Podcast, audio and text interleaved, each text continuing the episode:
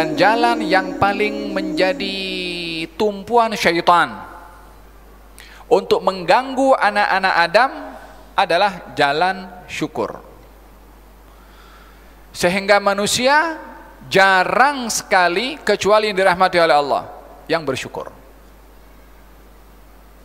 Selalunya manusia lupa daripada syukur dan sentiasa minta kepada Allah kalaupun diberi tidak digunakan nikmat itu demi tujuan yang Allah berikan yang demi tujuan yang Allah hendakkan daripada manusia tersebut. Dalam Al-Qur'anul Karim Allah Subhanahu wa taala berfirman menceritakan tentang uh, kata-kata uh, syaitan. Yang kata-kata itu direkodkan oleh Allah dalam Al-Qur'an supaya kita tahu bagaimana syaitan memusuhi kepada manusia. Apa katanya? Qal fa bima aghwaytani la'aqudanna lahum siratakal mustaqim. Dengan engkau menghinakan aku wahai Allah, ini kata-kata yang diungkapkan oleh syaitan kepada Allah Subhanahu wa taala yang diceritakan oleh Allah dalam Al-Qur'an.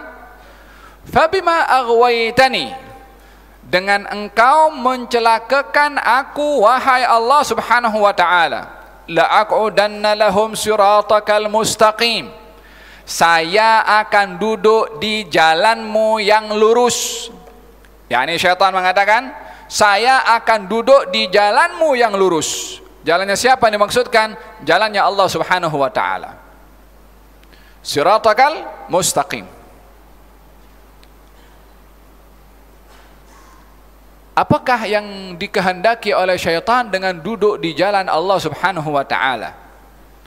Ini permusuhan antara syaitan dengan Allah Subhanahu wa taala, tapi karena yang menjadi sebab kepada permusuhan antara syaitan dengan Allah itu adalah perintah Allah kepada iblis untuk sujud kepada Nabi Adam, syaitan dendam kepada Nabi Adam. Katanya, aku akan duduk di jalanmu yang lurus, wahai Allah thumma la'atiyannahum min baini aydihim la'at الله la'atiyannahum kita dalam bahasa Arab kalau mengkaji tentang ilmu tafsir ada lam namanya lam taukid dan nun namanya nun taukid lam pasti dan nun pasti.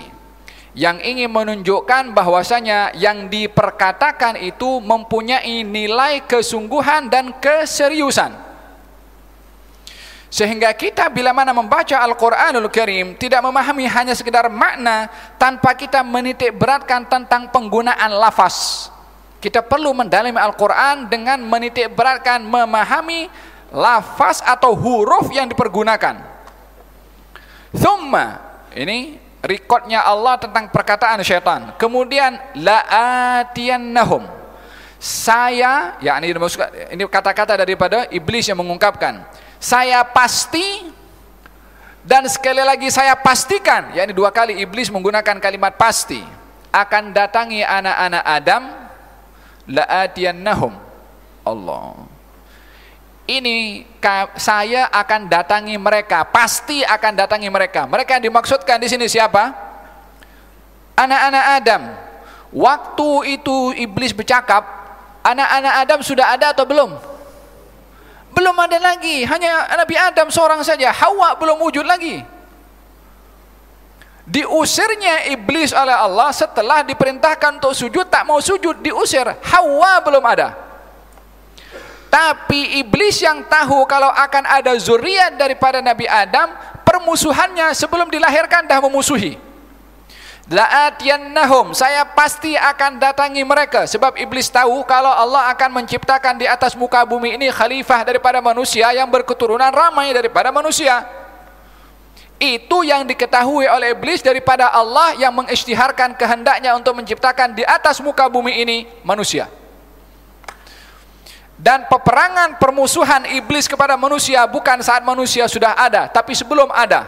Sudah mengisytiharkan peperangan Peperangan yang diinginkan oleh iblis ingin mencari pengikut bersama dengan iblis memerangi Allah.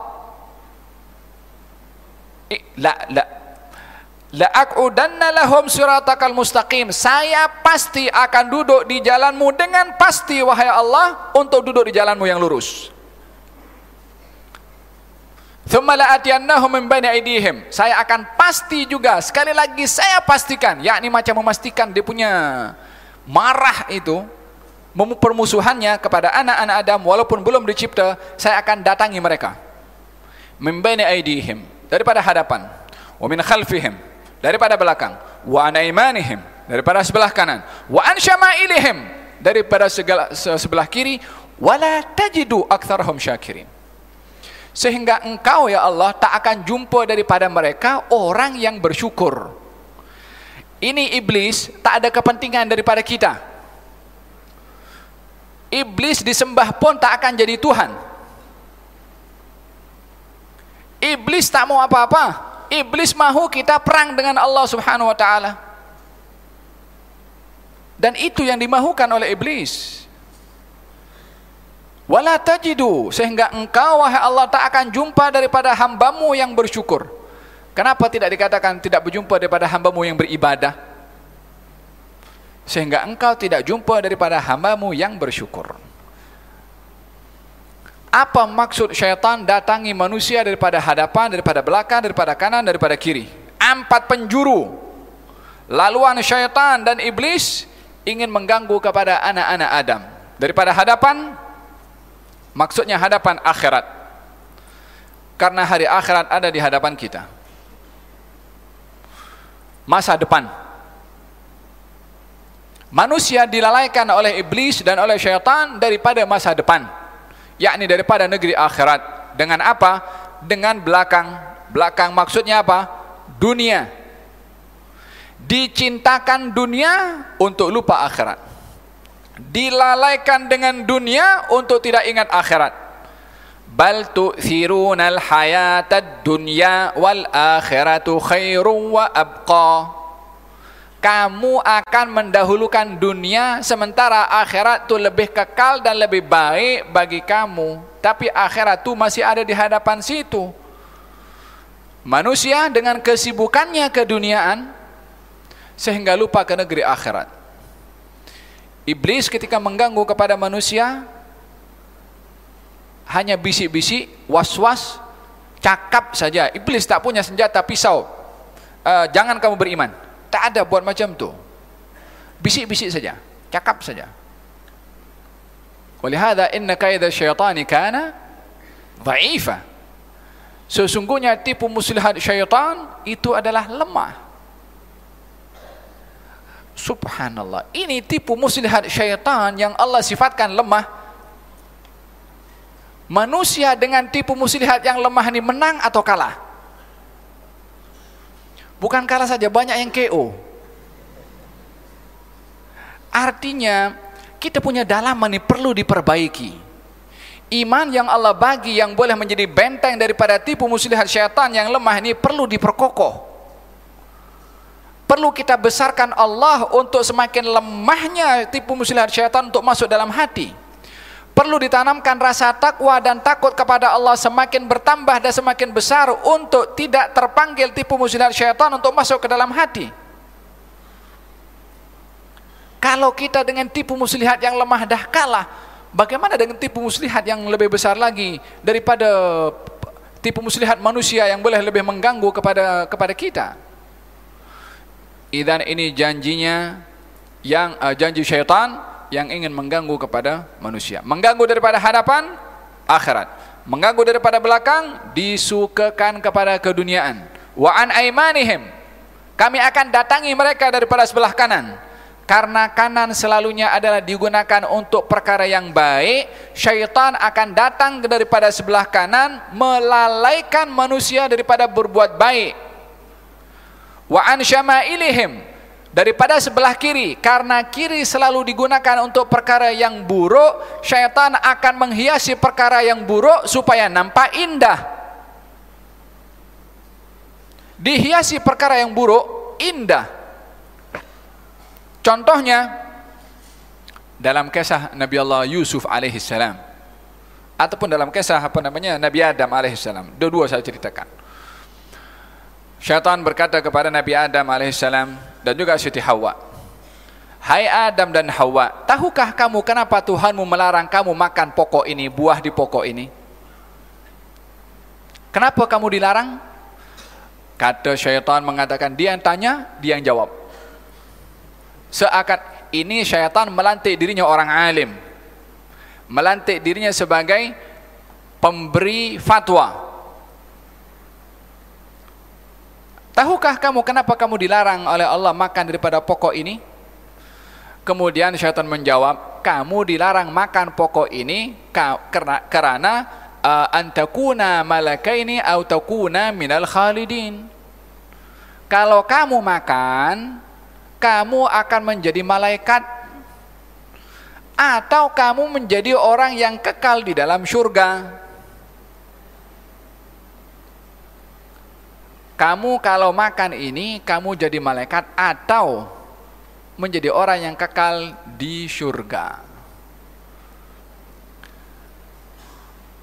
Ayat ini menceritakan tentang firman Allah dan perkataan syaitan. Firman Allah berkata kepada Nabi Adam dan Hawa, "Wala taqraba hadhihi syajarata fatakuna minadh dhalimin." Jangan kamu hampiri, bukan makan lagi. Jangan kamu hampiri pokok ini uh, kalau kamu hampiri maka kamu akan menjadi orang yang zalim. La taqrabah hadhihi syajara. Jangan kamu dekati pokok ini. Kalau tidak kamu akan termasuk daripada orang yang zalim. Ini firman Allah. Ditakwil oleh syaitan. Wahai Adam, wahai Hawa, tahukah kenapa Allah larang kamu untuk makan atau mendekati kepada pokok ini? Kalau kamu dekat, kamu jadi malaikat atau kamu jadi orang yang kekal di surga. Takwilnya daripada siapa? Syaitan mentakwilkan apa? Firman Allah ditakwilkan oleh syaitan dan berapa banyak syaitan yang sekarang mentakwilkan firman Allah Subhanahu wa taala untuk menarik manusia. Tafsiran yang bersifat hawa nafsu.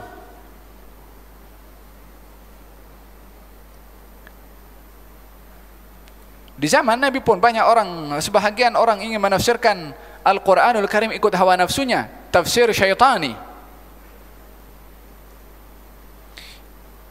qasamahuma inni lakuma laminan nasihin.